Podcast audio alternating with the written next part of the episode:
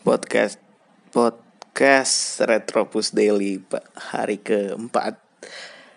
Uh, gue mau ngebahas tentang gimana cara Korea ngecoh Korea Selatan ngecoh lawannya uh, saat di di scout sama lawannya. Jadi pre-match lawan. Jadi gini ceritanya tadi barusan gue nonton South Korea lawan Sweden hasil 1-0 buat Sweden ya kan? Korea so, apa Korea Selatan tetap kalah cuman ada cerita unik di balik uh, Piala Dunia sekarang.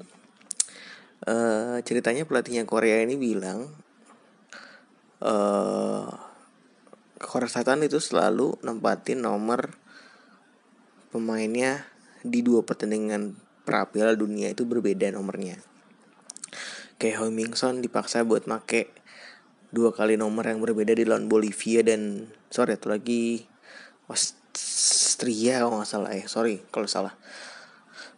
Itu karena mereka nganggap kalau misalnya orang-orang Eropa itu tidak bisa me menghafal wajah Asians. Jadi menurut orang Eropa wajah-wajah orang Asia itu sama semua ya kan?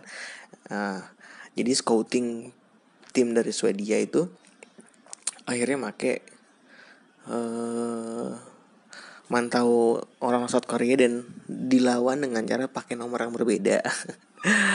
Ya dibikin double layer lah sehingga strategi yang dipakai sama South Korea nggak ketahuan.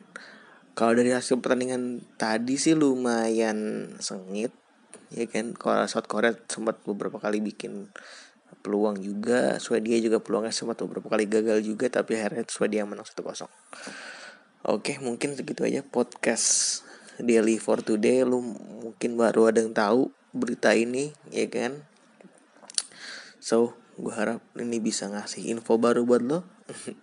Enjoy the World Cup dan always listening to podcast Retropus. Thank you.